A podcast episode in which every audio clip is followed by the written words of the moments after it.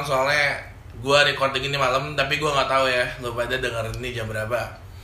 Ini di gue sih menunjukkan sekitar pukul 1 satu lewat sedikit. Oke. Eh, di sini gue nggak sendiri, gue bareng temen gue. Namanya siapa ya bro? Eh, nama gua Stefanus Adi, Iya. biasanya dipanggil Adi. Oke, dan gue juga lupa perkenalan, nama gue Taufik, panggil Taufik juga aja. Um, di sini mungkin karena ini masih awal-awal lebih ke arah perkenalan dulu aja kali ya. Iya benar sih. Perkenalan dulu, mungkin mau coba dari siapa dulu yang kenalin lu apa gue Eh, nih? Gua dulu aja deh, Oke. karena gua agak pasif ya. Eh, communication skill gua agak kurang, jadi mohon maaf. Perkenalkan nama gua Stefanus Adi. Gua masih menjadi mahasiswa BINUS. Em, gua lahir 19 Juni 1997. Gua lahir di Balikpapan, besar di mana-mana karena orang tua PNS. Zodiak, zodiak, zodiak. Zodiak gua Gemini. Jadi buat kalian yang Gemini, kalau misalnya kalian dibilang mood swing dan lain-lain, gua ngerasain kok relatable. Kemudian gua lahir di Balikpapan dan Tempat lahir gue tuh Balikpapan tuh. sama ya. Sama tempat lahir gue Balikpapan. I see, I see. Paling untuk gua sih itu aja sih. Sambil jalan juga kita bakal banyak info yang keluar dari masing-masing dari kita sih. Gue sendiri Taufik, gue lahir 24 September tahun 97. Uh, zodiaknya Libra kalau salah. Libra, antara Libra atau Virgo tuh 24 September. Oh, di tengah-tengah. Libra ya berarti. Harusnya sih Libra. Libra sih ya. Hmm. Timbangan tuh kan, orang yang banyak pertimbangan kan, benar. tapi nggak bisa ngambil keputusan. nah, uh, gue lahir di Balikpapan, tapi gue tumbuh besar di Bekasi, Cikarang, di lingkungan pabrik. Jadi mungkin apa yang gue omongin nanti ke depannya karena otak gue kemasukan banyak asap pabrik. di sini sih sebenarnya nggak jauh-jauh ya. Ini ide gue udah lama, cukup lama, tapi juga kemu- kebetulan ketemu Adi lagi nih, lama-lama juga kan. Ini ide gue mungkin dari Desember 2018 gue pengen bikin kayak gini. Hmm. Desember 2018 gue udah pengen bikin podcast sih sebenarnya karena Iya. menurut gue kalau lu pada ngebacot doang gitu kan Iya. Berdebat akan hal-hal kayak apa sih perdebatannya gitu Iya, kan tapi nggak ada hasil-hasilnya Hmm. gue lebih much better ya udah record aja Iya, Iya benar sih. sih. Ke- kemudian juga gua merasa kenapa gua bisa gabung sama Taufik untuk membuat podcast ini karena yang gua lihat dan apa yang gua rasain sendiri bahwa kita itu banyak milenial dan permasalahan utamanya adalah mental health. mental health di angkatan mungkin gue bisa bilang kelahiran dari 90 sampai 2000 sekarang Iya, ya. bener sih. Karena em, di zaman kita ini dengan zaman orang tua kita cara mendidiknya beda dan kita sudah mengenal teknologi terlebih dahulu. Hmm. kemudian akhirnya kita lebih apa ya memikirkan social feedback dari orang lain. Ekspektasinya beda lah ya. Hmm. Jadi kita merasa mungkin banyak eh, anak muda atau orang lain di sana yang merasa terbebani, apalagi cewek sih, karena gue punya pengalaman banyak tentang temen cewek gue. experience experience banget soal ceweknya Iya, bukan gitu juga sih. Tapi banyak temen cewek gue di luar sana itu merasa bahwa insecure, oh mereka kurang cantik, hmm. eh, mereka harus ini dan itu, apalagi kalau sosial mereka cukup toksik. itu itu ada efek banyak dari sosial media sih menurut gue Hmm, benar. oke. Karena mereka terpapar sosial media yang kita nggak bisa berhentiin karena cukup pesat dan cukup luas juga. Pada Iya. saat kita bertumbuh berkembang juga beda di zaman orang tua kita otomatis yang mereka rasakan itu ya ekspektasi dari orang mm, sangat penting buat mereka. Iya. Itu sih yang gua rasa. Makanya gua sama Taufik pengen bikin podcast ini kami berdua memang orang yang tidak em, bukan ya, expert lah. bukan expert dan tidak mengambil mata kuliah tersebut. Hmm. tetapi kami ingin menjadi platform ataupun orang-orang yang ingin sharing. sharing dan membantu orang di luar sana. Kayaknya kalau ngomongin mental health, mental illness or everything itu hal-hal yang udah mungkin orang bilangnya basi, klasik, gak penting Mhm. atau lu halu doang kali. ya Oh yang ini ngomong-ngomong kita bikin podcast dengan audio doang karena kalau secara video ini tidak memungkinkan untuk dipublish. Haha. ada beberapa adegan-adegan yang terlarang Enggak juga, Pik. Nanti orang nggak masalah nggak masalah oke mungkin basicnya start dari diri sendiri kali ya Ya. mau lu duluan apa gue duluan yang start sharing nih di sini Tadi perkenalan kan gua. Hmm. Coba mungkin Taufik em, Taufik duluan ya. Start sharing Mhm.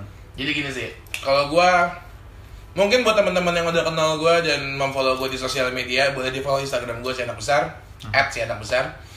Jadi gua sempet sekitar 2018 pertengahan, kalau nggak salah. Gua bikin konten di uh, highlight Instagram gua. Mhm.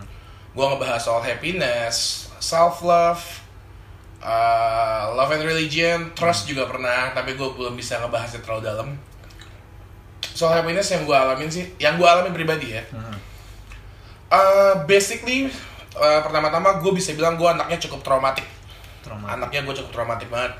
Ketika gue punya satu kesalahan atau ketika gue punya satu hal yang nyangkut tuh bener-bener bikin gue kayak anjir ini mesti ini mesti nggak gini Iya. nih.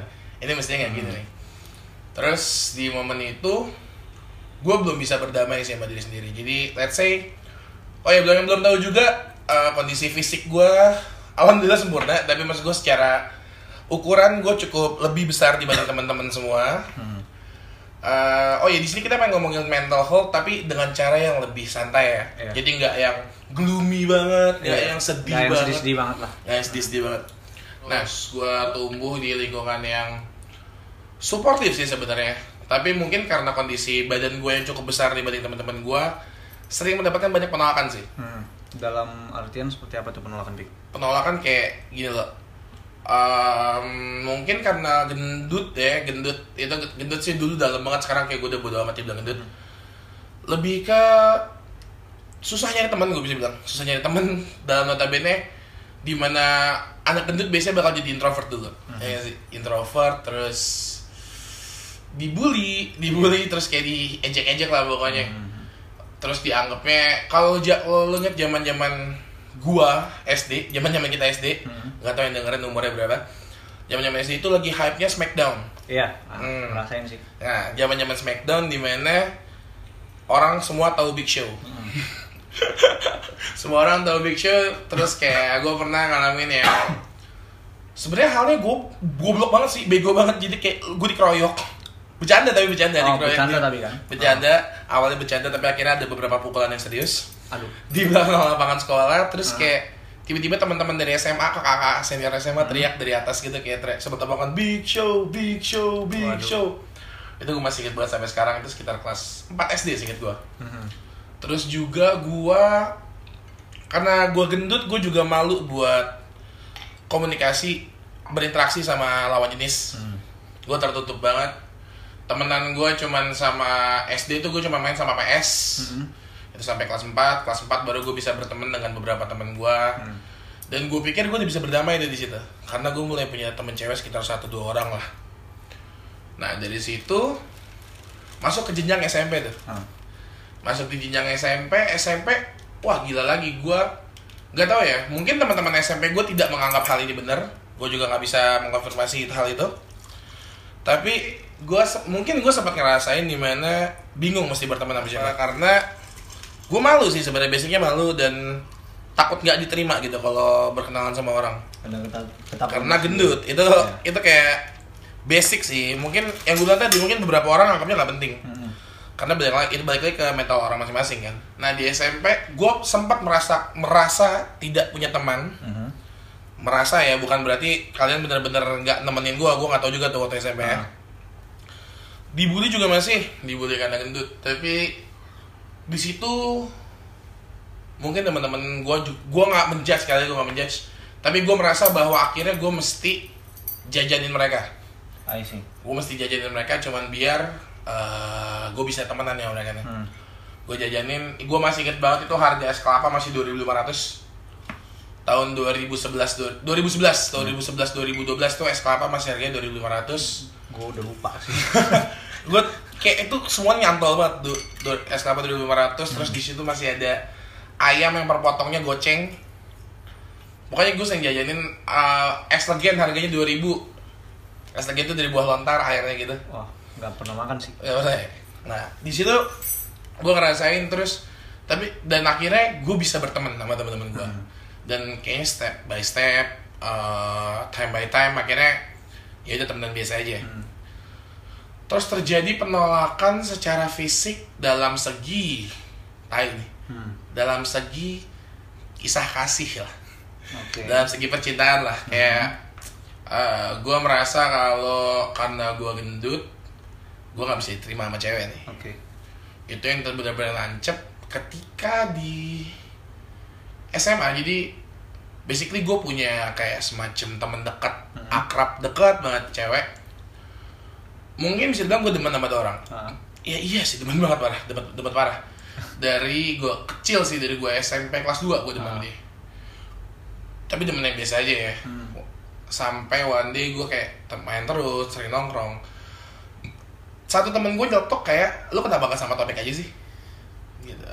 Lu kenapa gak sama topik aja sih? Dia in fact-nya dia ngomong dia udah dia udah mau coba serius tuh. Itu temennya si cewek ini yang temen gue juga jadi kayak kita setongkrongan gitu. Oh, Oke oke. let's say ceweknya lu ngomong sama tuh cewek Ah. mestinya gue gak denger. Ah, tapi posisinya lu ngobrol di bagasi mobil gue di pintu samping. Oke. lu lagi nongkrong lagi nongkrong. Kedengeran gak sengaja kayak Ah, lu kenapa gak sama topik aja sih? Dia udah mau serius gini gini gini dia bayar sama lu. Jawabannya simple simple banget jawabannya. Apa tuh? gue pengen punya pacar cowok ganteng gak Oke, dia melihat secara fisik oke berarti ya. dan di mana itu yang hal yang bikin gue paling insecure semenjak gue kecil Oke. dan gue berani bilang sampai sekarang mungkin gue terlihat berdamai dengan hal itu tapi sebenarnya mungkin belum ya dari situ eh timbullah kayak mindset yang sampai sekarang masih nancep di otak gue cewek cuman mau sama cowok yang ganteng Hmm. cowok yang kalau dibawa jalan sama dia gak bikin dia malu Oke. ya nggak sih simpelnya gini deh lo kalau kita ambil contoh lu jangan nonton Beauty and the Beast deh Oke. Nah, Itu- kalau dia kalau bahasa gue ya Nah. kalau bis miskin juga dia gak bakal bisa kayak gitu itu terlalu fantasi Iya. Iya benar. kalau kena situ kayak gitu lah Heeh. simpelnya kalau lu bandingin lu jalan eh, cewek disuruh milih antara cowok ganteng dan cowok jelek Mhm. atau cowok ganteng dan cowok yang tidak menarik Aha. secara fisik ya Ya. Mereka akan lebih tertarik untuk berkenalan menurut gua menurut gua mereka bakal ter- lebih tertarik untuk berkenalan dengan cowok yang ganteng nih Hmm. menurut gua Hmm. kayak weh ganteng nih orang Iya sih. kalau gua bajak jalan ke mana-mana gua gak malu tuh dan dari situ gua mikir itu itu yang benar-benar nancep di diri gua sampai sekarang sampai detik ini itulah juga kenapa gue jadi orang yang takut buat ngambil komitmen gue takut buat ngambil keputusan dan karena gue sempat ngalamin yang namanya nggak punya temen kali ya ngerasa nggak punya temen ngerasa nggak punya pelarian apa apa kayak temen tuh jadi hal yang penting buat gue jadi buat gue kebahagiaan gue ketika gue bisa berguna buat orang Oke. kemarin udah sempet ngobrol nih waktu ada kaca ya Iya, benar-benar. kebahagiaan gue adalah ketika gue bisa berguna buat orang Hmm. kebahagiaan gue adalah ketika gue uh, punya status di sebuah lingkungan sosial Punya title. punya title Hmm. Itulah mungkin buat teman-teman yang belum tahu juga gue waktu SMA sempat tim basket Hmm. kuliah juga gue aktif di beberapa organisasi Hmm. dan mungkin punya role juga di situ gue kurang Hmm. paham juga tapi gue dianggap ada gitu Iya. dipandang I see, I see. itu yang buat gue kayak oh this is what I need Gitu. tapi dari situ muncul-muncul lagi uh, insecure insecurity insecurity ngomong ah, bahasa yang bener gak sih Eh, iya, insecurity. Benar. Insecurity. Ke dalam tidak- satpam Nah, eh, bu- bukan. insecurity itu ya lu lebih tau lah. ya kan? insecurity gitu di mana gue ngerasa uh, setelah ini semua gue bakal jadi apa Iya.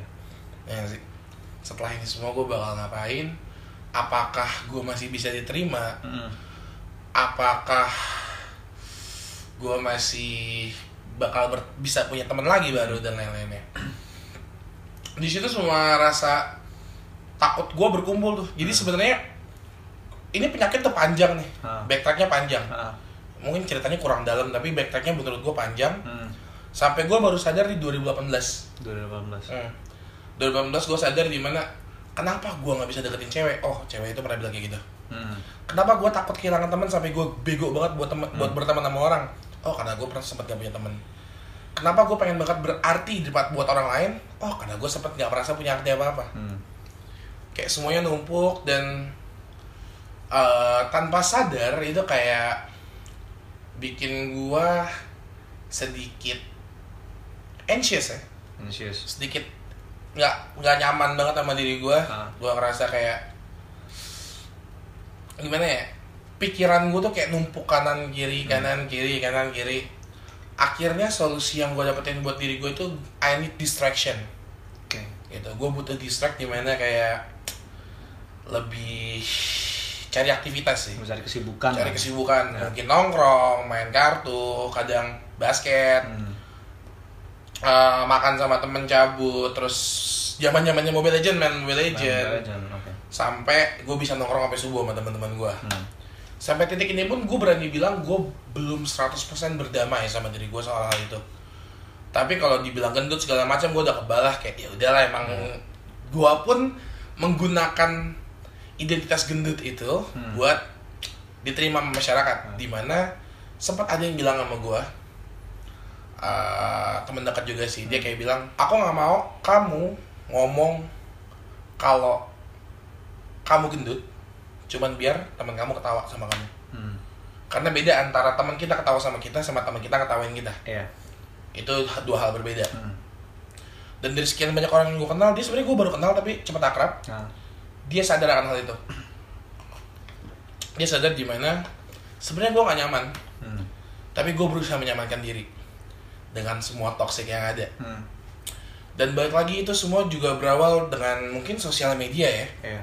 sosial media gue berani bilang itu bener-bener kayak bikin lo insecure banget sih Berpengaruh banget. parah Iya. simpelnya gini deh Eh, mungkin nggak semuanya mengalami ini tapi eh, simple si, paling simpel adalah ketika lu pengen diet Hmm. nih ya Ah. ini buat cewek mungkin lu pengen diet terus jam setengah satu malam lu liat Instagram di explore Makanan. ada makanan yang Ah. kayak crunchy Iya. atau juicy Iya, dagingnya gitu. benar-benar. lu pengen makan Pastilah. walaupun lu nontonnya dia ngebuat steak Ah. tapi ketika di kamar lo adanya Indomie ya lu masak Indomie Iya pasti apa aja yang di Ah. kamar lah. itu toxic di hal kecil dari dari sosial media Instagram media. Hal besarnya gue berani bilang juga nggak sedikit kok kasus yang bunuh diri karena cyberbullying Benar.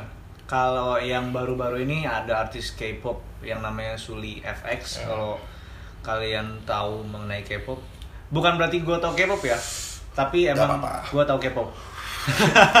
kita berdamaikan hal itu Iya.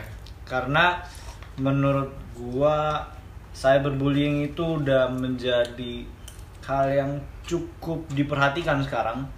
Cuman banyak orang atau banyak teman-teman kita atau bahkan orang tua kita tidak tahu bagaimana cara menanganinya dengan baik karena banyak dari teman-teman gua itu kebanyakan uh, memberikan apa ya bukan testimoni lebih ke sharing ke gua bahwa terkadang orang tua mereka seperti tidak mengerti kondisi mereka karena orang tua itu terkadang ya secara kasarnya kepo Hmm? pengen tahu tapi mereka menanyakan kepada kita itu secara offense yang langsung Iya. sedangkan kalau misalnya eh, ada beberapa orang mungkin bisa ya ngomong langsung beberapa butuh pendekatan lebih lembut lah Ya, beberapa butuh waktu dan tidak bisa secara langsung ketika uh, orang tua atau siapa pun itu yang menanyakan kepada mereka tanya dan mereka memberikan jawaban langsung. Hmm. Menurut gua um, mereka nggak bisa dan mereka harus menyiapkan mental tersebut untuk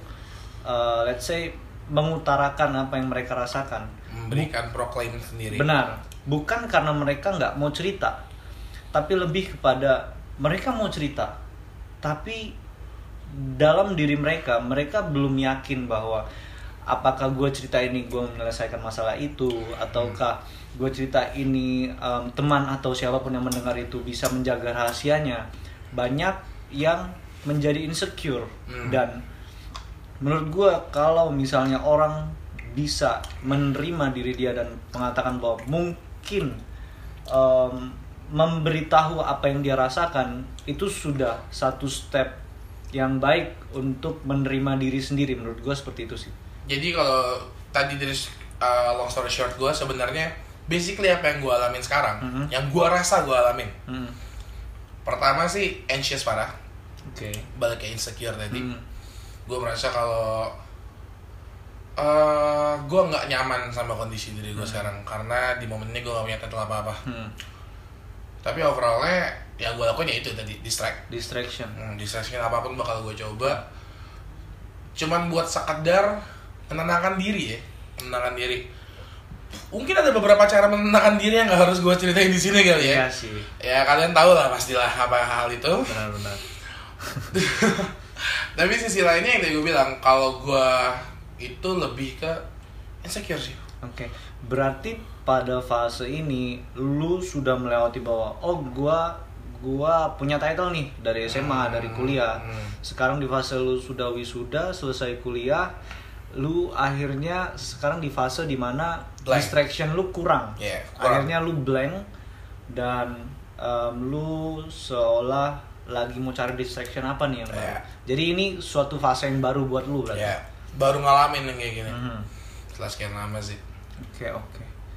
Eh, kalau dari lu sendiri gimana di kalau dari gua gua juga ngalamin sesuatu fase yang baru jadi em, sebelumnya gua bukan mau bilang teman-teman gua ngebully gua oke terkadang peoples atau orang-orang di sekitar kita tidak tahu sebenarnya mereka itu tanpa sengaja menyakiti atau apa ya crossing the line Benar, mereka sudah melewati batas entah itu bercanda, entah itu mengobrol. Karena mungkin, apalagi gue tipikal yang suka bercanda. hmm. Lu pasti relate, uh, Vic. Karena kita tipikal orang yang ketika ngumpul, kita suka melihat orang ketawa. Kita seneng ketika uh, momennya itu um, kayak live up, kayak kayak rame, Hmm. kayak ngelucu. Tetapi gue baru nyadar itu setelah gue di SMA em, setelah pindah ke SMA yang baru di Kalimantan Hmm. gue mulai merasa bahwa em, ketika kita berbuat baik kepada orang orang nggak bakal pernah mau cari tahu ataupun orang nggak tahu bahwa kita berbuat baik ke mereka. Karena yang mereka lihat ya tergantung dari feedback teman-teman yang lain. Contoh ketika em, kita ngumpul sama mereka kita menjadi bahan let's say kita dalam perkumpulan jadi joker lah. Ya Em, karena gue tipikal orang yang suka ngelucu. Hmm. kemudian oke sekali dua kali nggak masalah cuman terkadang dalam tongkrongan gue dulu di SMA karena mereka membiasakan diri dan mereka sudah tahu bahwa oh Adi ini em, ngelucu Adi ini bercanda. Jadi kita bercandain aja sampai pada satu titik di mana mereka cross the line. Mereka melewati batas dan secara pribadi ya gue merasa terattack. Gue merasa em, let's say tersakiti lah ya Right. secara lebaynya dan mereka tidak tahu itu. Dan gue baru sadar sekarang bahwa ya itu terkadang people do something orang melakukan sesuatu. Ketika lagi rame atau mereka lagi di dalam otak mereka euforianya terlalu apa ya? Kalau misalnya bahasa saintifik dopamin dalam otak lu itu lagi Dopamin, anjing. Dopamin. Dopamin dalam otak tuh lagi em, seneng-senengnya, lagi hype-hype-nya. Kadang kita lupa bahwa kita cross the line. ya Akhirnya itu yang gue rasakan bahwa orang nggak pernah menganggap gue serius. Hmm. Kemudian em, masih banyak, apalagi di Indonesia. Bukannya gue nggak mencintai Indonesia, tetapi masih banyak di dalam daerah itu yang namanya rasisme. Sangat kental sampai sekarang Iya. gue sedaerah sih sampai Benar. kita punya pengalaman sekitar dua tahun yang lalu ya benar. cukup keras Masalah rasisme itu masih ada dan kita nggak bisa menutup mata juga. Apalagi em, kebetulan tinggal di ibu kota juga banyak juga masalah itu walaupun bukan gua pribadi yang Hmm. merasakan. Rasisme itu sangat sangat menyakitkan karena kenapa? Ketika kita berbeda dari satu ras dan Hmm. kita tinggal di dalam lingkungan tersebut, satu walaupun mereka tidak melakukan apa-apa ketika mereka tidak bermain atau berkomunikasi dengan kita Hmm. kita merasa terkucilkan Iya kemudian em, dulu sama em, gua dan Taufik adalah dalam posisi gua gua ingin mendapatkan yang namanya trust atau temen yang banyak dari lingkungan sekolah gua kemudian gua berusaha keras bagaimana mendapatkan trustnya mereka bagaimana mendapatkan teman yang bisa gua andalkan. Ya. Jadi iya otomatis gua pemikiran gua gua mendahulukan teman gua dibandingkan gua sendiri dan perasaan gua sendiri. Relatable banget bagi situ. Ya dan buat kita atau buat orang-orang yang seperti gua itu menyakitkan karena ternyata ketika gue melakukan itu gue mendahulukan diri orang lain dibandingkan diri gua kadang balasannya tidak sesuai ekspektasi. Makanya ada buku berkata bahwa ketika kita berbuat baik jangan berekspektasi. Karena kita nggak tahu orang akan memberikan kita either itu positif atau negatif. Lakukan secara ikhlas aja ya. benar tanpa pamrih. Kalau misalnya kita mau melakukan kebaikan lakukanlah kalau tidak ya nggak masalah. Hmm. asalkan kita tidak merugikan orang lain. Itu sih yang menjadi prinsip gua. Tapi karena ada luka tersebut ada luka dari rasisme ada luka dari sedikit pembulian tetapi mungkin mereka tidak merasakan. Iya, dan normal.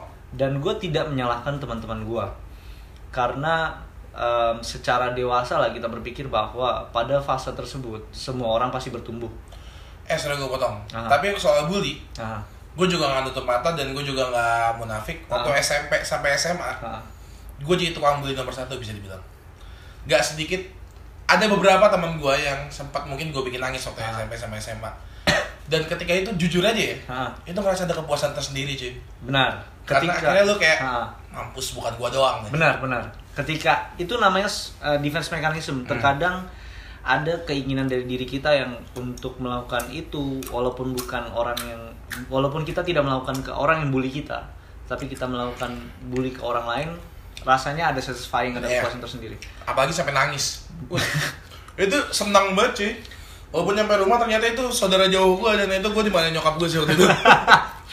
Anjing banget. Tapi gue nggak punya capability atau kemampuan untuk seperti itu karena jujur kalau gue dibandingkan Taufik mungkin Taufik punya mental capacity lebih besar dari gue karena selama gue berteman sama lu Fik hmm. gue melihat bahwa lu itu masih bisa menahan emotion lu walaupun terkadang eh, nggak bisa lah ya. Cuman dibandingkan gua, gua eh, sadar bahwa diri gua ini mood swing, mood swing parah. mau swing gue juga ngalamin sih Nah, eh, tapi mood swing lu lebih jauh masih bisa ditolerir orang dibandingkan gua. Semenjak SM semenjak kuliah? Semenjak kuliah. Dan sebelum kuliah gua nggak pernah mengenal lu dan akhirnya kita berteman kita berbagi cerita kita berbagi cerita kita sharing dan gua tahu cerita lu.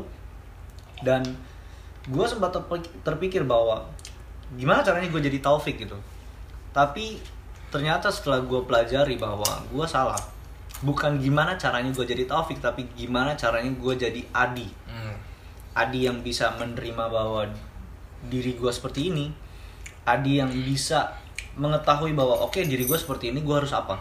Stop the comparison ya? Yes. Comparison. Jangan membandingkan diri kita dengan orang lain tetapi lebih kepada pertama menerima diri kita. Oke orang bilang love yourself first before you love someone else Yeps. cintai diri kita dulu sebelum kita mencintai orang lain Hmm. tetapi ada satu yang miss di situ menurut gua. Sebelum kita love yourself, find yourself. Cari dulu siapa kita sebenarnya. Kemudian terima itu dan cintailah itu. Hmm.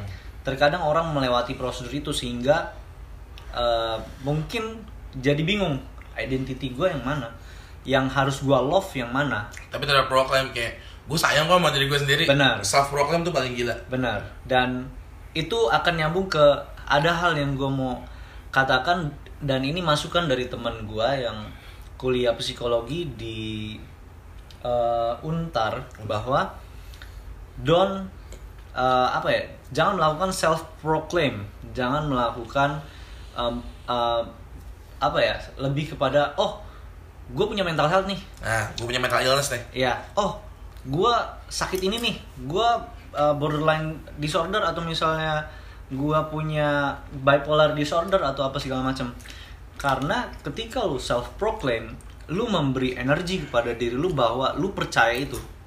Dan yang tadinya mungkin nggak ada bisa ada. Bisa terjadi. Gitu. Nah, dan benar. Karena kekuatan dari alam bawah sadar atau sesuatu yang kita percayai itu kuat. Makanya dopingnya kuat ke otaknya ada sih benar. Makanya dari teman gua mengatakan self proclaim tuh bahaya loh.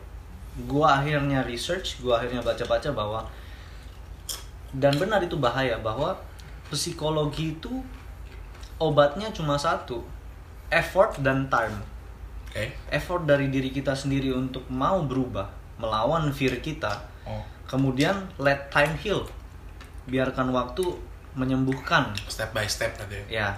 Kalau mau insan bisa datang ke psikolog dan kemudian take medicine sambil melewati konsultasi dan sesi-sesi yang diberikan. Tapi beberapa teman gue yang ke psikiater bukan gue menyalahkan ya. Mhm. gue sempat diarahin juga kayak lu coba aja ya. Mhm. eh yang gue tahu dapatnya malah itu sih apa namanya? Obat penenang. Nah Obat antidepresan penenang. Hmm, seperti itu. kayak obat tidur or Ya. something dan itu efektif banget sih obat tidurnya. Kacau. Kalau buat lo teman-teman semua di sini yang pengen cobain namanya tinggi tapi halal itu ada. Dan em, balik lagi tadi mungkin semua soal bully dan lain-lain. Aha. menurut gue sih simpelnya gini. Eh, yang gue rasain dan akhirnya gue coba berdamai adalah ketika eh ini kata-kata mungkin dari psiki eh, psikiater motivator lama gitu kalau lo sempat inget eh siapa tuh gua ya gua gak mau nyebut nama oh ya iya kayak sahabat sahabat saya Oke yang oke. super, Mohon ya. maaf ntar disensor. bagian itu dia dia pernah bilang setahu gue ya sedikit gue dia dia pernah Ah. bilang lu nggak akan pernah terluka kalau lu nggak biarin orang itu ngelukain lu itu maksudnya gimana nih? Mohon maaf gua agak lemot soalnya. Bor- border diri lu sendiri let's say gini gue dibilang lu gendut Aha. sakit Aha. tapi kalau gue uh, tidak menganggap bahwa itu kata-kata yang menyakiti gue gue tutup Aha. oh itu gak sakit buat gue I see. nggak ya itu gimana cek aksi dan reaksi Oke. itu itu dari aksi dan reaksi simpelnya kayak gitu dan mungkin kenapa gue bilang kesadarannya rendah gue berani bilang mungkin kesadaran mental di Indonesia rendah dan gue tidak bilang kalau itu salah nggak nggak masalah justru selama ini toh orang-orang di Indonesia bisa survive kok Iya. tapi mungkin makin ke sini ya karena eranya makin terbuka kali ya Mhm. lu bisa lu bisa feeling insecure terhadap hal-hal simpel Contoh? contoh paling simpel cewek Oke. gendutan deh Hmm. simpel kan Benar sih. itu lebih ke body shaming gak sih? body shaming ya karena gue begini sih gue tidak tidak pernah menganggap body shaming ya iya sih. karena menurut gua orang yang punya hak bilang lu gendutan berarti orang itu mengenal lu Tetapi kadang apa yang kita terima, nah itu kembali Offensive. ke iya benar ke perspektif kita. Kalau kita menerima itu sebagai bukan tindakan ofensif, no problem. Tapi kalau misalnya kita menerima itu sebagai dia kayak ngomongin gua, Hmm. Nah, negatif thought, neg- pemikiran negatif itu cukup berbahaya juga menurut gua karena hidup udah rumit. Kalau misalnya kita mikirin negatif Nah. dulu, kita nggak bakal pernah memberikan ruang untuk pikiran positif kita. Hmm. Otomatis semua orang yang lewat mungkin ngomongin tanpa sengaja, Hmm. kan apa yang mereka lihat bisa aja mereka celutukin Hmm. Itu kalau misalnya memang pikiran kita negatif pasti kemasuk di telinga masuk ke hati. Dan itu sih menurut gue yang harus dikurangin. Namanya habit mungkin nggak bisa hilang tapi lebih ke ngurangin sih lebih teman lebih ke arah ya coba buat berpikir dari perspektif lain kali ya. Benar. Nah terus juga balik lagi kalau dari lu di lu kenapa sih pengen ngangkat mental health ini? Kenapa lu pengen ngangkat tema mental health ini buat tapi ke depannya bisa jadi bukan mental health doang ya bisa jadi bisa banyak banget yang bakal diobrolin tapi kenapa fokus utamanya tuh kenapa ke mental health dulu deh Oke, karena menurut gua em, apa ya orang yang membahas tentang mental health memang sekarang sudah banyak. Banyak Ada banget. beberapa em, contoh di Instagram itu kalau misalnya kalian mau contoh eh mau kepo coba kepoin ibunda.id itu membahas masalah psikologi. Anak, ibunda. anak. Oh, oke. Jadi namanya ibunda.id itu uh, sebagai apa ya? Memberikan kesan motherly keibuan untuk Instagram Oke. untuk orang uh, bertanya ke DM mereka atau mereka uh, sering membuka sesi. Mereka berarti ini ada adminnya ya? Ada adminnya dan Berarti ada kemungkinan ibunda ini cowok ya?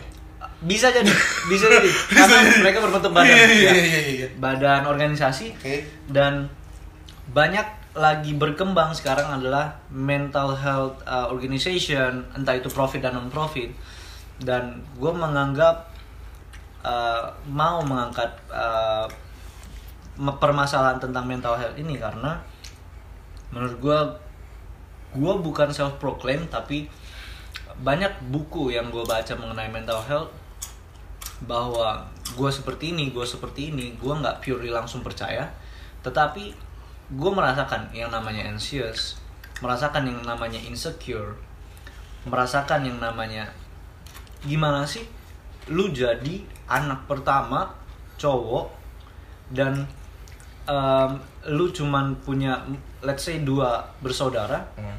adek lu cewek, kemudian em, lu masih let's say ya fact-nya seperti itu sih faktanya seperti itu Lu luntang, masih luntang umur, lantung ya. lah luntang lantung nggak jelas itu memberikan pressure tersendiri buat lu dan menurut gua gua masih harus banyak belajar mengenai mental health sembari gua membuat podcast ini bersama lu Fik Hmm.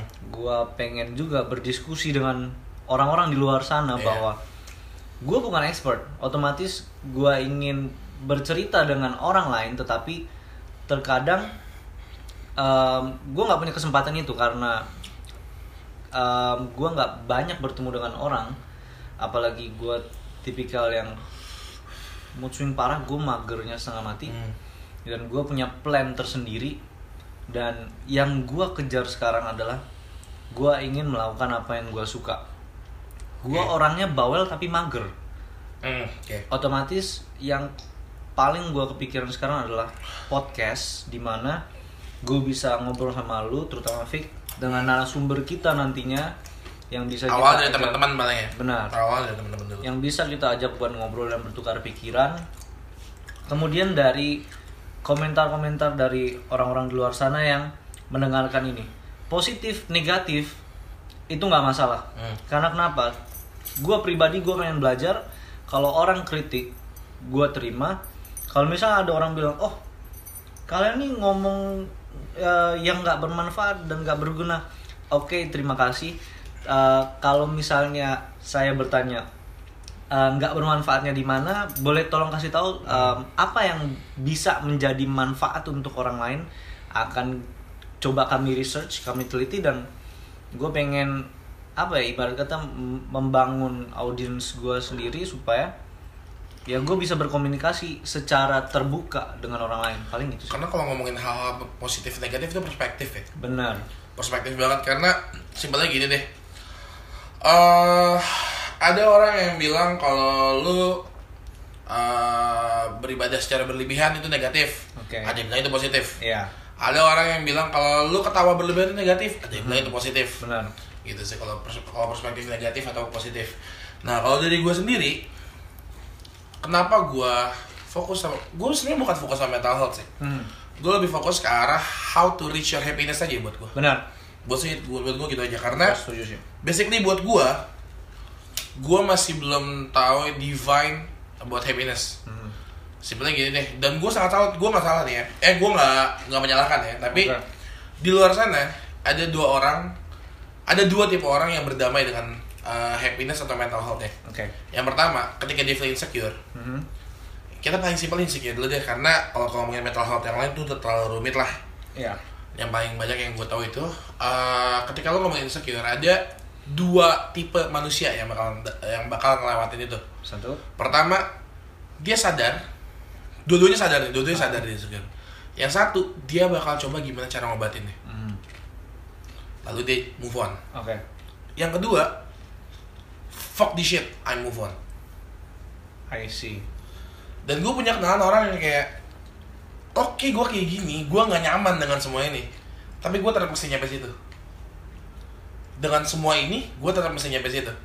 Ada yang dengan semua ini gue mesti bisa ngelesain semuanya baru gue nyampe situ. Oke.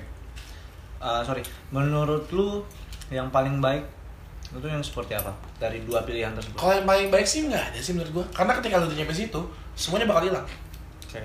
Fokus kita ke depan. nah berarti. ada yang ada tipe orang yang mesti lu nggak punya beban baru lu bisa nyampe Mhm. atau lu bawa beban lu sampai kelar Oke. itu ada dua tipe orang dan emang balik lagi ke pa- kapasitas dia buat menahan dirinya sejauh apa Oke. dan kenapa gue fokus ke happiness karena gue sendiri hal yang paling berat yang gue alami yang gue lawan sampai sekarang comparing yourself to others Itu hal paling gue benci. itu berat banget karena gini sih gue tumbuhnya itu di lingkungan yang let's say gue selalu punya geng yang isinya orang-orang ganteng cuy Susah sih. Susah sih. gue punya geng yang isinya orang-orang ganteng orang-orang yang hits orang-orang yang cewek-cewek juga nggak yang hits sih tapi cewek menurut gue punya karakter yang let's say dia cantik lah buat gue Oke. oke. Gue bertemu di lingkungan yang kayak gitu dan gue berteman dengan orang-orang seperti itu tapi gue sendiri tidak merasa diri gue uh, good enough for them. Oke. sampai mungkin kalau ngomongin kayak gini temen gue udah banyak banget yang mungkin apa muak. Banyak banget yang ngomong kayak you're good enough. You're good enough. Terus ada yang bilang kayak happiness tuh berawal dari diri sendiri. Hmm. terus ada yang bilang kayak "Eh, lu baik kok ada yang bilang lu asik kok gitu dan mungkin karena gue selalu negative thinking ya Oke. gue ini bukan gara-gara Joker yang ngomong-ngomong dan gue Oke. yakin banget pasti banyak yang mikir kayak ah Joker nih ah Joker nih Kan lagi booming kan. Iya, Joker. pasti banyak yang mikir kayak ah Joker nih, Iya, iya. ya ah Arthur nih, gitu.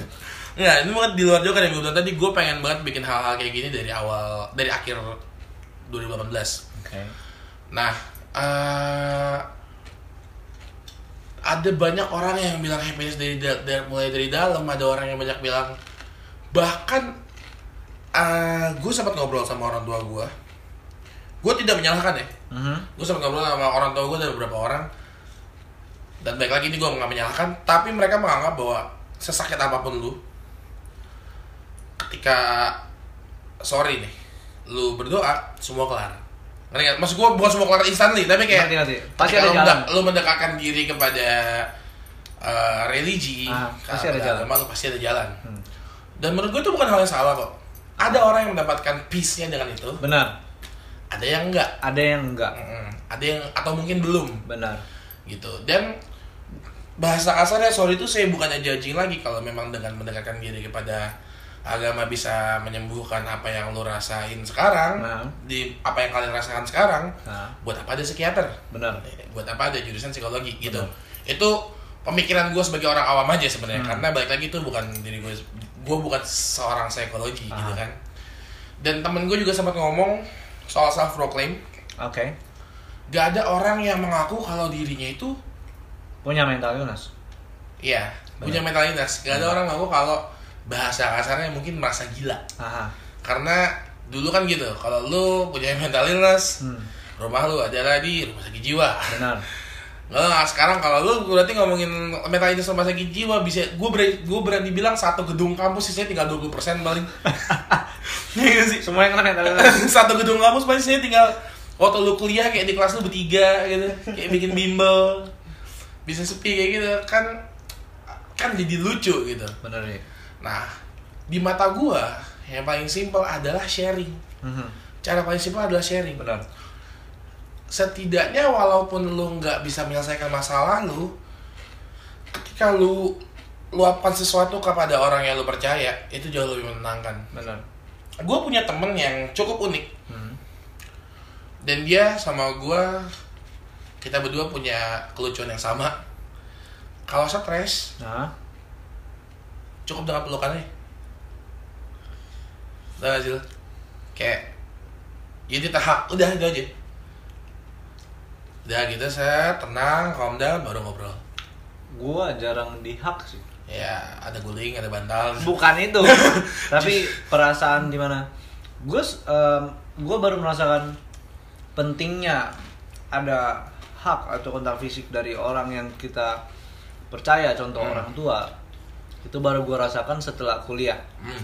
karena sebelumnya sebagai anak kecil sebagai orang yang belum dewasa pelukan itu kayak apa sih ngapain peluk sih Oh, simpelnya gini.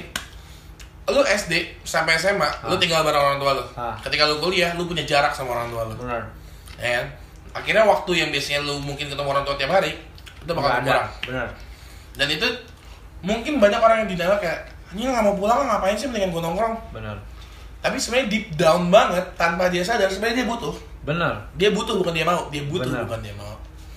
Itu sih menurut gue kalau orang tua. Dan kenapa tadi mengangkat mentalitas karena ya menurut gue menarik dan ya gue berharap di mana bisa ngeris teman-teman di luar sana yang mungkin mau sharing boleh banget tinggal mungkin kalau ini masuk ke media platform platform yang bisa di komen aha gue berharap yang komen buat mungkin bisa sharing bareng atau kita bisa via uh, via call juga mungkin buat ngobrol-ngobrol dulu apa yang bakal dibahas dan atau kalau misalnya nggak pede bisa email. Kita juga mungkin akan post di masing-masing Instagram. Di Instagram itu ada konteks juga ada email ada DM em, ada platform atau misalnya inbox di mana lu bisa cerita agak banyak. Karena kemarin sempet gua ngepost di story. Kemudian ya itu kesalahan gua bahwa di box question and answer itu nggak bisa nulis panjang-panjang. Ya gue juga ngomong Iya, jadi kalau mau bercerita dikasih note aja kalau misalnya nggak mau dipublish namanya. Hmm. atau misalnya em, nggak pede dengan em, namanya ketika dipublish nggak masalah. Ataupun kalau misalnya kalian cuma mau sharing pun nggak masalah. Hmm. karena menurut gue feedback dari kalian itu ya bahan pembelajaran kita bersama. Dan lu belajar buat terbuka terhadap diri lu sendiri. Benar, karena ketika kita bisa menerima dan menceritakan orang itu apa menceritakan diri kita kepada orang lain entah itu orang yang bisa kita percaya atau enggak ketika kita bercerita keluar artinya kita menerima diri kita bahwa inilah gua. Gua mempresentkan gua menunjukkan diri gua sebagaimana adanya gua Hmm. dan itu sangat penting buat gua sih dan ada loh orang yang sempat cerita sama gue hmm? gue nggak anggap ini penyakit tapi ini cuma feeling gue doang I dia, see. dia cerita yang kayak panjang soal gue takut ini gue takut itu gue takut ini gue takut itu tapi udah gue nggak anggap itu penyakit udah gitu aja gue anggap itu sebagai sebuah fase Sesimpel itu sih. hmm, dia kayak emang mungkin mesti kayak gini besok juga enggak ya kalau besok enggak mungkin lusa enggak Mhm. Dia kayak lebih positif thinking ke depannya. Itu kenapa juga kita ngebahas ini kan? Mhm. terus kemarin gue sempat taruh question box di Instagram gue Mhm. gue bikin pertanyaan about mental health. Hal apa sih yang paling mengganggu kenyamananmu? Hmm. nah di sini gue dapat beberapa jawaban yang cukup unik. Cukup unik banget. Ada yang sampai ngomong ini gue nggak tahu ya ini orang bercanda apa enggak karena ini teman kita juga. Oke. nggak bisa tidur nyenyak Oh, gue juga sempat ngerasain sih. Hmm. Ketika insecure pasti banyak pikiran. Cuman gue nggak tahu nih. Dia karena kenapa nggak bisa tidur? ya terus ada yang bercanda juga mahasiswa di semester 5 Oke. Nah, itu gue balas, lu belum nyobain semester 8 bro Lu belum nyobain berikutan dengan skripsi bro Benar, benar, benar. Ada yang bercanda juga hutang, tapi hutang cukup terroring juga sih buat gue Emang gitu. karena kita merasa kenyamanan kita terganggu. Eh, Makanya- ditagihin. Benar, makanya kalau bisa jangan berhutang ya guys. Hmm. Terus bengong-bengong terus Itu menurut gue sih lebih ke arah Banyak pikiran ya Benar. Bengong-bengong terus kayak Terus lu kepikiran macem-macem Ah. Ada juga yang Cewek nih Overthinking Gak sehat juga kan buat mental ah overthinking tuh hal yang buat gue sangat menarik dan sangat relatable karena gue paling nggak suka kalau gue bakal punya masalah sama orang lain Benar. Karena overthinking menurut gue adalah masalah yang belum terjadi, tapi kita merasa bersalah kalau seandainya itu terjadi. berspekulasinya kejauhan Benar. hmm. Jadi ya eh, kalau gua pribadi gua merasa bahwa oke masalah ini belum terjadi. Hmm. Gua berdoa supaya nggak terjadi. Kemudian gimana caranya gua menghindari masalah itu? Contoh, kita mela- mau melakukan sesuatu yang menurut kita nanti efeknya bakal negatif. Hmm. Jangan dilakukan. Kalau misalnya lu terlanjur melakukan, ya sudah, simple. take the consequences simple karena apa yang kita pilih pasti ada consequencesnya Kalau buat overthinking tadi gue udah punya temen yang pengen banget kita ajak ngobrol soal overthinking sih. hmm. Dia ngerasa diri dia goblok banget buat menghadapi hal itu. Hmm. Dan mungkin next time bakal kita coba undang ke sini sih kalau overthinking. Karena gue sendiri overthinking sih gue alamin gini sih. Eh, lu mungkin nggak nggak lu pernah ngalamin apa di, yang soal bilang tadi kejadian belum terjadi tapi udah kita pikirin. Gua pernah ngalamin di mana gua take a decision. oke Let's say gini, gua nggak pernah berani nembak cewek Mhm. sampai detik ini Mhm. karena gua takut ditolak. oke Karena yang dulu yang gue bilang tadi itu pengen cowok ganteng gitu. oke Gue nggak pernah berani nembak cewek karena takut ditolak dan gue overthinking di mana kalau gue nggak berani kalau gue ngomong kayak gini ke dia apakah dia merasa gue bakal suka sama dia oke gue nggak mau sampai orang itu tahu kalau gue suka sama dia Hmm. gitu dan itu balik ke trust lagi sih menurut Hmm. gue itu hasilnya overthinking yang cukup kacau sih terus ada nih sampai ada 4 box ntar mata gue mulai minus. Wah, suwir cuy. Terus dia kayak nyaman di circle yang isinya ada cowok sendiri tapi ngerasa dilihat orang bucin. Padahal emang nyamannya di situ. Jadi apa gua ngerasa ngejauh aja atau gimana gitu. Dia lebih ke arah eh jadi nongkrongnya semuanya cewek enggak, dia cewek. dia cewek Dia nongkrong sama tongkrongan cowoknya. oke Ya lu tau lah siapa. Mhm. terus Dia ngerasa kalau eh apa yang bakal kita ini kan teman kita juga nih. aha Apa yang kita pikirin terhadap dia? oh gitu dia ngerasa apa kita berpikir bahwa dia bucin atau apa pun itu sih oke oke ntar bagian itu kalau yang gue ngomong kita temen dia dikat aja ya. Boleh boleh. Bakal lebih enak. Nggak tahu sih. Terus ada borderline personalities disorder. Mhm. ntar gue gue ada screenshotnya ntar gue cek lagi. Terus ada yang bilang tesis nggak kelar butuh penyemangat. Ya coba dicari pacar aja ya mungkin bisa nyemangatin. Tesis itu salah satu pressure paling berat. Lagi ngalamin? Buat gua. Jujur jujur buat gua. Karena iya iya iya menurut gua itu adalah kewajiban kita terakhir kepada orang tua. Pertama jawaban terakhir. Benar karena kita udah dikuliahin kita dibiayain. Sampai ujung ya, tanduk nih ya. ya mohon maaf ya kalau misalnya ada yang bisa membiayakan diri sendiri tapi gua pribadi gua masih dibiayain. Tapi justru kalau biayain diri sendiri kesadarannya lebih tinggi gak sih menurut lu? Benar. Makanya eh, lebih kepada pasti mereka tahu Hmm. kewajiban mereka dan tanggung jawab mereka. Kemudian gue merasa pressure itu sangat besar dan gue merasakan sekali bahwa nggak mudah dalam mengerjakan. Oke skripsi mungkin ada beberapa orang bilang oh iya gampang lu tinggal gini-gini apa segala macam. Tetapi pressure-nya lebih kepada kayak gue menerima bahwa diri gue takut. Gue takut untuk mengerjakan sesuatu di mana yang kewajibannya gede. Contoh ini kewajiban terakhir gue kepada orang tua. Setelah ini gue mau kerja apa pun gue mau ngelakuin apa pun pasti di- didukung sama orang tua Hmm. ibarat kata seperti itu tapi karena gue takut akhirnya itu mengganggu kinerja gue dalam mengerjakan skripsi di mana itu nggak boleh Lu percaya apa nggak ya? Kan Ah. gue skripsi semester kemarin nih. ah Gue sampai nelfon orang tua, gue sampai nelfon kakak gue sih. hmm. Kak, pah, mah, sorry ya kalau tapi nggak bisa lulus tahun ini. Ah. Kayaknya nggak bisa lulus tahun ini. Gue udah sepesimis itu. Gue udah sampai kayak anjing nggak bisa lulus nih, ini nggak bisa anjing. Pembimbing gue begini anjing nggak bisa ini. gue sampai hari hasidang, Hmm. gue nelfon setelah gue tahu siapa pengunci gue, gue nelfon ke kakak gue, kak pengunci topik ini ini ini, kayaknya nggak bisa lulus tahun ini. tapi di situ mungkin kayak lu udah mengikhlaskan sesuatu akhirnya ada jalan Iya ada kayak oh ya udah gitu aja lah I see. tapi gue sampai se-hopeless itu karena gue ngerasa kayak kapabilitas gue nggak setinggi itu. Hmm. balik lagi karena lu nggak percaya sama diri lu sendiri. Benar. Terus tadi udah soal tesis ini ada yang bilang banyak banget ini bukan soal, bukan karena joker ya tapi gue ada yang ngerasa tapi gue ngerasa ada yang beda dalam diri gue sendiri. Di sini bahasa Inggris gue translatein aja. Oke. Terus dia bilang maybe I'm a schizo menurut seorang teman. Nah ini em, bukannya kita mau mengoffense dia oke. atau mengetek dia, Hmm. Tapi lebih kepada menyadarkan bahwa em, ketika orang punya mental illness, mereka tidak tidak memproklaim bahwa oke gue spesifik mental Ini. illness gue ini, ya karena mental illness itu muncul secara tiba-tiba Hmm. dan kita bahkan nggak sadar. ya Jadi eh, bukannya gue bilang bahwa dia salah atau dia tidak mengetahui diri dia tapi lebih kepada coba dicek lagi karena semakin lu memberi energi bahwa lu percaya oh gue skizo. Itu makin men makin mendorong diri lu akan ke situ. ke arah situ dan itu berbahaya. Iya sih. Tapi kalau memang ternyata anda iya well buat gue simpelnya kalau gue nggak tahu ya gue nggak pernah jadi gitu ya. Hah.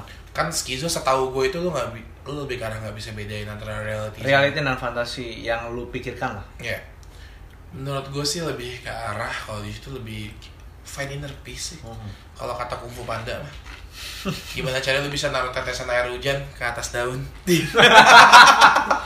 Maksud gue kayak lu find inner peace di mana? How to deal with yourself. Benar. Bagaimana kita menerima diri kita. Lah. Heeh. karena emang kalau simpelnya menurut gue ya menurut gue pribadi skizo itu berawal dari ekspektasi ya benar. Ekspektasi lu ke mana? Kita mau seperti ini kita mau seperti ini. Realitanya nggak ada. Benar tapi akhirnya karena lu udah ekspektasi lu ketinggian lu melihat ekspektasi lu sebagai sebuah hal yang nyata benar dan kita berusaha untuk itu terjadi Nah, ya gitu sih. Terus ada yang merasa nggak cukup baik untuk apa pun, siapa pun sampai overthinking terus. itu bahaya Rumit deh. benar karena gue relate dalam artian gue merasa gue pernah coy merasa tidak berguna buat siapa pun itu gue pernah di hubungan yang toksik di mana gue nggak berguna buat cewek gue Merasa tidak berguna. benar merasa tidak berguna. Kemudian di orang tua gue gue merasa tidak berguna karena gue apa ya tidak memberikan kontribusi sebagai seorang anak pertama kakak cowok kepada adik juga. Karena jujur gue bukan tipikal orang yang perhatian banget. Tapi gue lebih kepada melakukan sesuatu itu intentionnya tujuannya adalah untuk kepentingan keluarga gue terutama tetapi kadang orang tidak bisa membaca itu kemudian ya apa ya gue agak bingung untuk deal dengan hal seperti itu gitu loh Kalau soal ini sih, gue sempat ngomong sama dia sih. hmm. Gue pun merasakan hal itu. nah Tapi ada satu orang yang cukup sering banget ngebacotin gue, Hmm. sering banget ngebacotin gue dan orang yang cukup gue percaya. Lu mau melihat diri lu sebagai apa? benar. Yang dia ngomong sama gue sih simpelnya gini doang kayak kayak kayak kayak anak Jakarta Selatan nih yang dia ngomongin ke gue itu intinya eh lo emang gak bakal pernah cukup buat siapa pun. Cukup buat diri lu dulu aja. That's Iya, that's tapi itu emang susah. Gue kan itu emang susah. That's the word tapi emang itu susah. Susah. Gue akuin. Next nih ada yang insom insecure anxious mulu nggak bisa berhenti sampai ke bawah ke jantung. Well apa-apa ke bawah pikiran. Itu overthinking sih. Overthinking. Anxious dan kalau misalnya mulai ke arah jantung itu lebih ke panic disorder bisa. Karena beberapa temen gue merasakan panic attack benar. Ketika mereka anxious atau insecure mereka panik. Hmm. mereka nggak bisa mengatur perasaan mereka akhirnya dada itu terasa Ten- ditekan. tensi darahnya yang naik. Benar. Terasa ditekan berat banget akhirnya mereka melakukan sesuatu yang ngedistract mereka Hmm. contoh teman gue mendengarkan lagu yang dia suka Oke. secara tiba-tiba dia minta semua orang jangan ngomong sama dia tetapi dia mendengarkan lagu untuk menjaga panic attack dia Hmm. dan gue di saat itu gue bingung ini orang kenapa gitu Hmm. tapi akhirnya gue belajar bahwa setiap orang punya their own way cara mereka sendiri untuk menyelesaikan si Self healing. nah nextnya adalah jangan sampai itu membahayakan diri karena ketika misalnya kita panic attack dan orang tidak tahu bahwa kita panic attack em, contoh bisa sampai epilepsi yang paling parah. Itu coba cari penangkalnya karena atau enggak jalan jangan sendiri. Karena ada beberapa temen gue ya mereka bisa sampai epilepsi sampai mulut mereka berbusa. Dan itu penanganannya adalah uh, gigi mereka jangan sampai uh, apa ya kena langsung Oh ya? jadi harus dikasih kain kemudian coba dibuka mulutnya supaya dia ada gag reaction kayak Oh. mau muntah supaya mereka sadar Oh ya. karena pada saat itu mereka epilepsi dan insecure parah Berarti dari mental bisa ngaruh ke fisik juga ya berarti. ya? pasti Terus ada yang bercanda sih, galau nih kak. Dari teman gue yang sering bikin galau cewek. Terus dua terakhir, tiga sih. Insecurity anxiety mood swing. Kayak Itu- mood swing itu basic itu kayak basic banget tapi itu paling parah sih buat gue ada beberapa hal sih buat mood swing. Cuman yang gua pribadi nggak bisa tangkal ya mood swing.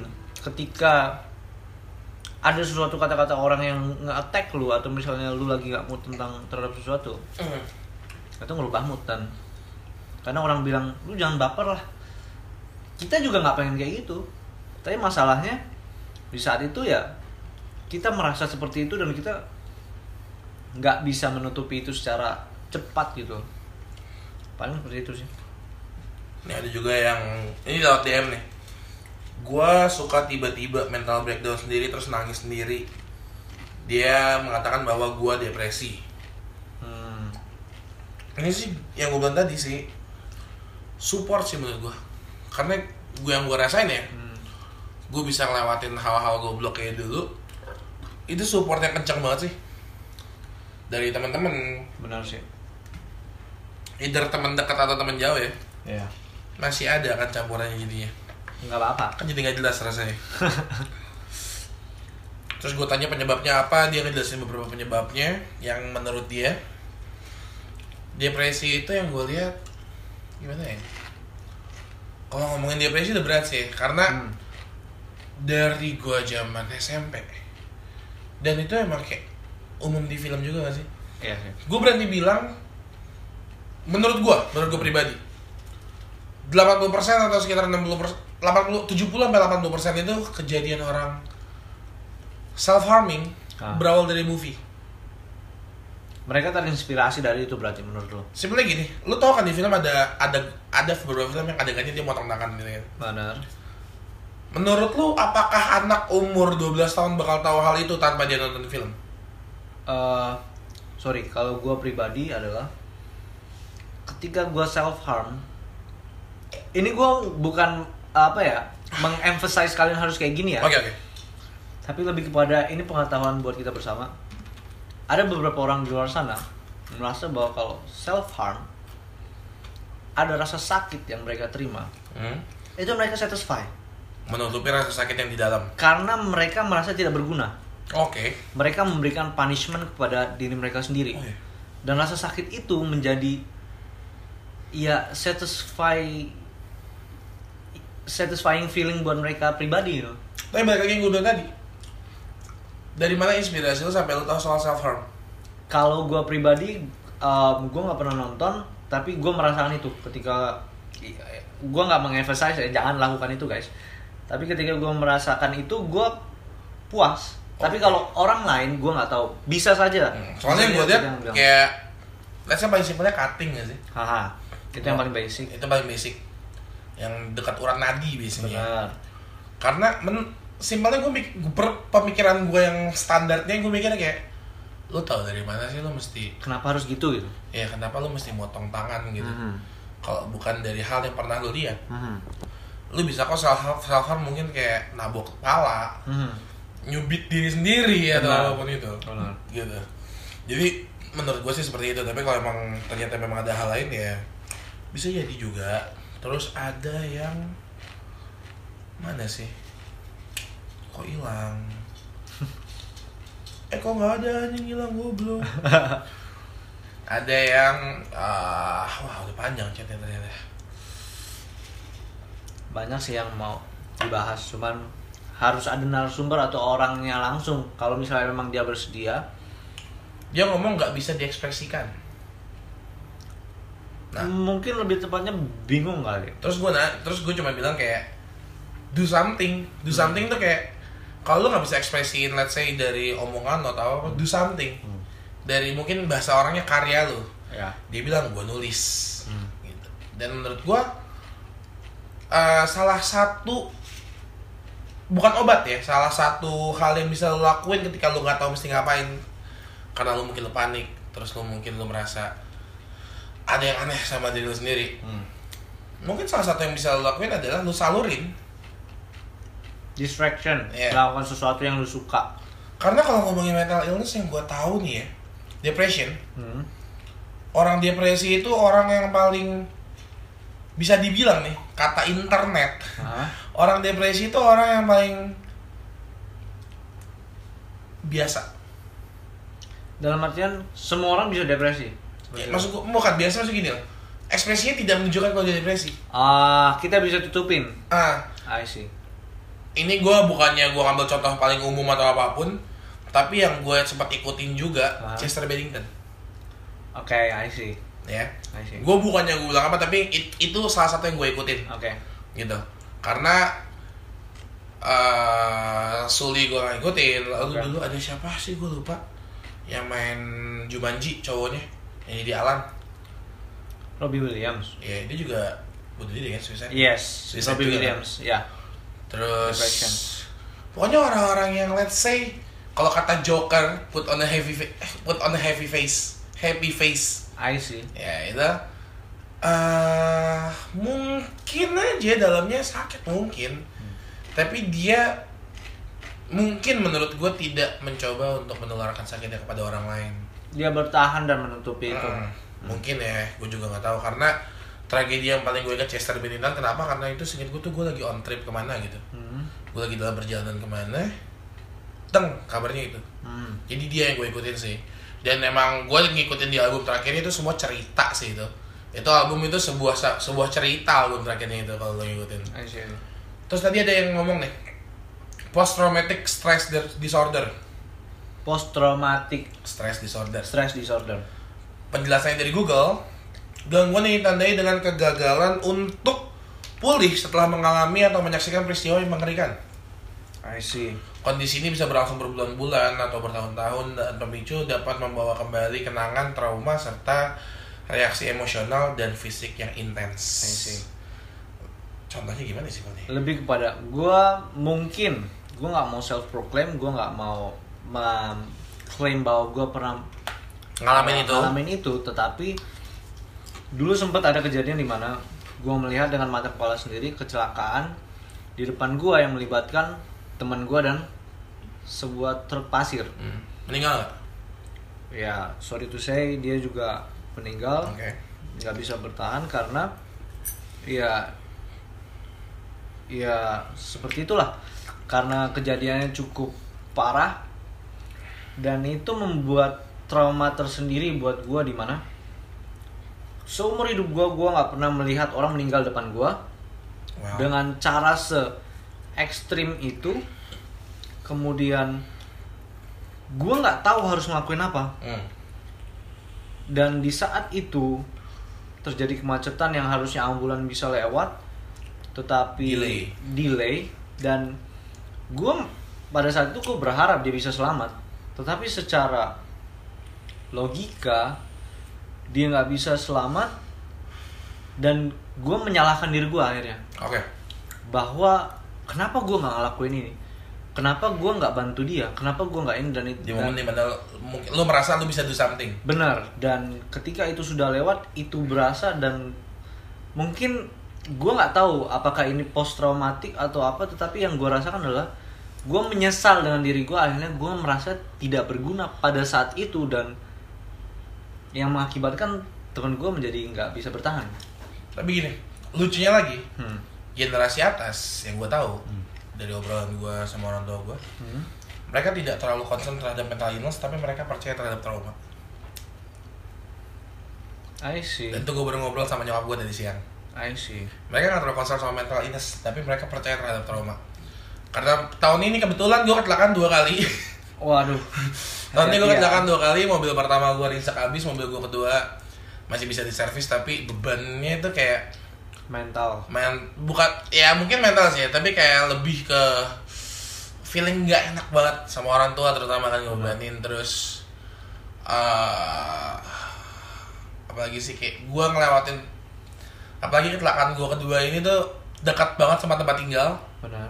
itu kayak tiap lewat situ tuh nggak enak banget nggak enaknya marah Masih berasa ya perasaan. masih berasa nggak enak banget dan itu karena kecerobohan yang sangat bodoh aja menurut gue I see, I see. jadi kalau post post traumatic mungkin menurut gue sih karena lo ngerasa bersalah kali ya Karena nggak bisa melakukan sesuatu yang harusnya lu lakukan pada Nah, saat itu. Gitu. lo ngerasa bersalah walaupun mungkin beberapa momen itu sebenarnya bukan tanggung jawab lo mungkin. Benar. terus ada yang tadi yang borderline personality disorder ini gue lebih karena gejalanya sih yang gue pelajarin Ah, Gejala termasuk ketidakstabilan emosional, perasaan tidak berharga, tidak aman, impulsif, dan hubungan sosial terganggu. Orang mungkin bakal merasakan iritabilitas, isolasi sosial, kehilangan pengendalian, menyakiti diri sendiri, perilaku antisosial, perilaku berisiko, perilaku impulsif, kompulsif, mulai melukai diri sendiri atau sikap tidak ramah. Terus suasana hatinya biasanya bakal gelisah, sedih, nggak puas, marah, terus moody, feeling guilty atau feeling lonely. Secara psikologiknya dia bakal yang namanya depresi, hmm, grandiositas gue belum tahu itu apaan. nggak tahu gua. Narsism atau pencitraan diri yang terdistorsi. Oke. Juga umumnya keinginan bunuh diri. I see. Karena yang gue lihat sih untungnya nih ya, walaupun mungkin mungkin gue ngerasa insecure, gue ngerasa nggak nyaman, gue ngerasa apa, tapi gue belum pernah di titik sampai gue pengen coba bunuh diri sih. Itu bagus. karena uh, di luar semua hal-hal yang menurut gue berhubungan dengan mental untungnya gue tipe orang yang cukup logik juga Masih Untungnya. berpikir secara logika. ya untungnya gue masih bisa coba buat seimbangin Mhm. dan emang uh, secara logik gue selalu berpikir kalau uh, gue tengah-tengah dari dua orang yang tadi gue cerita di awal. Orang yang ngumpulin semua nyelesain semua nyampe tujuan atau Ah. orang yang bawa semuanya ke tujuan. Oke. gue di tengah-tengah itulah kenapa gue gak pernah nyampe tuh? Gue tengah-tengah di mana ini gue kelarin apa gue bawa ya? Libra cuy libra. Iya sih. libra cuy libra Kayak, ini mesti gue selesain apa gue bawa ya? Kalau gue bawa anjing kepikiran. Iya kalau gue selesain kapan gue nyampe nya tapi akhirnya gak nyampe nyampe Mhm. gitu Kalau gua tipikal yang moody, jadi tadi pas bahas tentang borderline disorder, bukannya gua self proclaim gua gitu ya, tapi gua merasa ya itu kesepian, gua merasa gua nggak bisa ngatur perasaan gua, yang orang lain bilang kayak ngapain lu rasain, ya udah simple aja, Hmm. tapi kalau misalnya di tubuh gua belum menjadi diri gua, gua juga nggak mau seperti itu Hmm. Tapi pemikiran gua itu berkata lain gua mau harus apa? Tapi buat teman-teman di luar sana kalau kita ngomongin moody jangan langsung self proclaim karena ada kemungkinan juga dari kurang tidur. Benar karena dari kurang tidur atau kita kecapean jam tidur kita kurang dari makanan pun kita bisa menjadi moody. Hmm. contoh gula yang terlalu banyak itu bisa lu membuat- benar hype tapi setelah itu lu jadi moody lu jadi mager. Oh iya benar Aku baru tahu sih kalau yang bagian ada efek basiannya. Iya, karena kalau misalnya kita berbicara mengenai penyakit yang ditimbulkan oleh gula, contoh diabetes, itu efeknya adalah kita mager, haus yang berlebihan, dan itu udah mulai bahaya. Lebih kepada makanan yang harus kita jaga, kemudian pola tidur yang baik sih kalau untuk moody ya. Jadi harus diteliti atau dicari lebih dalam lagi kenapa bisa kemudian. Hmm. Dan anxiety itu sendiri bisa jadi karena dari pikiran lu di luar mental ya. Ya, Karena pikiran lu kayak membuat mindset di mana lu nggak merasa nyaman. benar. Contoh simpel, contoh simpelnya, uh, let's say itu berawal dari overthinking sih itu ke mental juga sih. Tapi Ya. di mata gua ada beberapa hal yang sebenarnya lu nggak. Iya, tetapi lu percaya. Iya, lu Dan ketika percaya. lu percaya itu terjadi. Benar. Gitu. Jadi harus hati-hati sih lebih tepatnya. Hmm. Dan masalah-masalah kayak gitu umum sih. Karena ada salah satu vlog dari salah satu influencer di Indonesia ya. Hmm. Dia bilang dia memproklaim bahwa dia mengalami mental illness. Uh, terus dia butuh beberapa tahun buat clear semua itu. Benar. Well, I mean dia nih yang kayak wake up call buat beberapa orang. Oke. Di, menurut gue dia juga salah satu wake up call buat beberapa orang di mana mental illness itu penting gitu. Hmm. dan nggak no di luar negeri kan mungkin gue cuma tahu di film tapi gue gak tahu aslinya ya Ah, gue nonton dari salah satunya Joker Oke. lalu ada di A Star Is Born Oke. lalu ada di film lain juga di mana ada psikiater yang emang lu bisa sharing setiap waktu Setiap waktu. setiap waktu split Split, ya. and terus dari split itu ke Mr. Glass pun seperti itu Benar. ada orang yang emang eh, bisa membantu lu itu yang gue pelajarin dari Mr. Glass Hmm. lu percaya kalau diri lu itu lu udah nonton Mr. Glass tapi Mr. Glass sudah nonton. nonton ada orang yang berusaha melogikakan suatu hal yang illogical Mhm. ngerti kan Ngerti. dan itu ditanemin ke otaknya dia you're not special you're just lucky at that time Ya, ya sih dan mem- ada kemungkinan itu betul benar. ada kemungkinan lu nggak sakit secara mental Ah. tapi lu merasa lu sakit mental lu Yes. otak lu merangsang ke bagian-bagian tertentu buat ngaku kalau diri lu tuh sakit secara mental Benar. padahal enggak Yes. gitu jadi sebenarnya lebih ke arah kalau emang lu ngerasa coba lebih di reset lagi aja kalau gua sendiri kenapa gua merasa karena itu andai kata itu bukan masalah mental gua berarti masalah pemikiran Benar. Gitu. Mindset. mindset gua dan itu cukup menda cukup dalam sih buat gua karena ya itu gua mesti bener-bener cari banyak banget distraction Yes. selama ini nggak tahu sih kalau buat lo ya tapi dari situ gue belajar yang paling gue yang paling gue pelajarin adalah deal with it deal with it jangan compare dulu Benar. jangan compare sama orang lain lu jalanin aja yang menurut lu benar sekarang Fokus pada diri sendiri sih. Mm. Hmm. karena ah sebenarnya nggak bagus juga kalau ketika lo terlalu berbincang mengenai hal itu karena nggak bakal ketemu solusinya juga ketika lo nggak berbincang dengan expert tapi just in case lo nggak mau ngomongin soal expert ya just share it aja with Yes. someone you know aja Ya. gitu sih kalau dari lo gimana deh Kalau dari gua sih ya, kalau orang punya self apa ya defense mechanism beda-beda. Hmm. Kalau dari Taufik sendiri adalah di mana lu cari distraction. Tapi kalau gua, gua lebih kepada isolation, di mana gua butuh me time, Oke. gue butuh waktu untuk diri gue sendiri untuk melakukan atau beristirahat, merecharge diri sendiri.